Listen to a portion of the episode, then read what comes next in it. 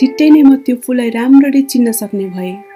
फुच्चे राजकुमारको ग्रहमा पहिलेदेखि नै साधारण फुलहरू थिए तर एक लहर मात्र पुष्पदल भएको ती फुलहरूले न कुनै खास ठाउँ ओगटेको थियो न त तिनीहरूले कसैलाई बाधा नै पुर्याएको थियो। तिनीहरू बिहान घाँसमा देखा पर्थे र बेलुका नै विलिन हुन्थे। फुच्चे राजकुमारको फुल चाहिँ एक दिन कता कताबाट हुत्तिएर त्यहाँ आएर जरा हाल्यो। उसले त्यसको निकै मेहनत साथ हेरविचार गर्यो। त्यस बोट अरू साधारण बोट बिरुवाभन्दा फरक थियो। त्यो नयाँ किसिमको बाओबा हुन सक्थ्यो तर तुरुन्तै झ्याङ पलाउन छाड्यो र फुलको कोपिला लाग्न थाल्यो। त्यस फुलले त्यहाँ जडा गाडेदेखि फुच्चे राजकुमारलाई त्यसबाट के के न उत्पन्न होला भन्ने जस्तो लागेको थियो। तर फुल चाहिँ आफ्नै सुरमा बिस्तारै बिस्तारै हरियो कोठरीभित्रबाट आफूलाई झन झन राम्रो तुल्याउन व्यस्त थियो। फुलले आफ्नो रङ बडो हिफाजतका साथ छान्यो। एक एक पत्र मिलाएर बिस्तारै बिस्तारै आफूलाई ढाक्न खोज्यो।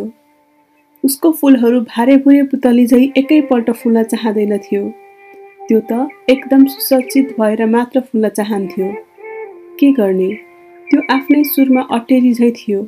त्यसैले त्यस्तो अनौठो सिँगार पटार गर्ने काम निकै दिनसम्म चल्यो र एक दिन बिहानै सूर्योदयका साथसाथै त्यो देखा पर्यो।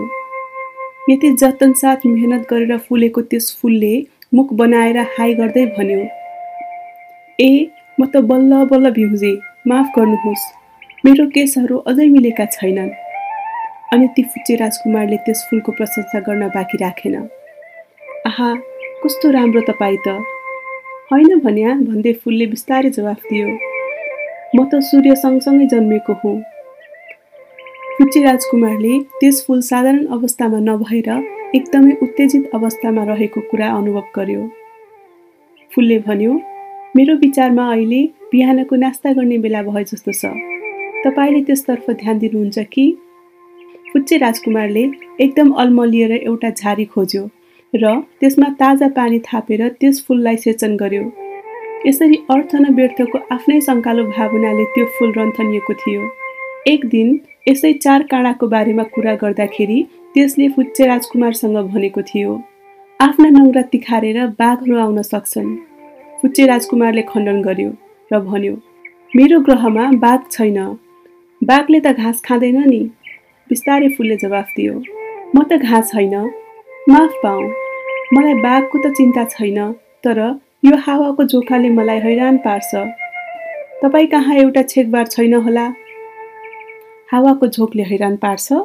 यस बिरुवाको त भाग्य नै रहेनछ भन्दै फुच्चे राजकुमारले यो त साँच्चीकै जिद्दीवाल पो रहेछ भन्यो। बेलुका मलाई गोल घर अथवा ग्लोबभित्र राख्नु है भन्यो। तपाईँ त असाध्यै कडा पो हुँदो रहेछ। यो त अप्ठ्यारो पो रहेछ। म जुन ठाउँबाट आएको हुँ त्यहाँ त यति भन्दा भन्दै त्यो फुल रोकियो।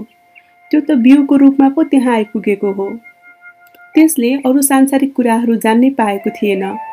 आफ्नो छुट्टा कुरा व्यर्थमा साबित हुन लागेको देखेर त्यसले फुच्चे राजकुमारलाई गलत ठहर्याउने हिसाबले दुईपटक खक्क खक्क खोक्यो। खै त छेकबार? म त लिन जान लागेको थिएँ तपाईँले नै कुरा सुरु गर्नु भएर त हो नि उसको गल्तीलाई झन उचार्ने हिसाबले फुलले फेरि जोडसँग खोक्यो। यसरी फुच्चे राजकुमारलाई शङ्का लागेपछि तुरुन्त उसले आफ्नो फुलमाथि शङ्का गर्यो। मैले फुलको कुरा नसुन्नु पर्ने थियो। फुलहरूको कुरो कहिले पनि सुन्नु हुँदैन भन्ने फुच्चे राजकुमारले मलाई विश्वास दिलायो। फुलहरूलाई त हेर्नु पर्दछ अनि त्यसको सुगन्ध लिनुपर्छ। मेरो फुलले त मेरो ग्रहभित्र नै मकमक बाँच्न छर्यो तर मैले चाहिँ त्यसबाट कुनै पनि सन्तुष्टि प्राप्त गर्न जानिनँ। यो नङ्ग्राको कथाले मलाई यति हैरान पार्यो कि मैले सधैँ दुखित भइरहनु पर्यो। उसले अझ मलाई विश्वास दिलाउँदै भन्यो मैले केही पनि बुझ्नै सकिनँ। मैले त्यसको कुरामा ध्यान नदिएर त्यसको काम चाहिँ ख्याल गर्नुपर्ने रहेछ। त्यसले त मलाई आफ्नो सुवासमा अलमल गरी डुबाइदियो।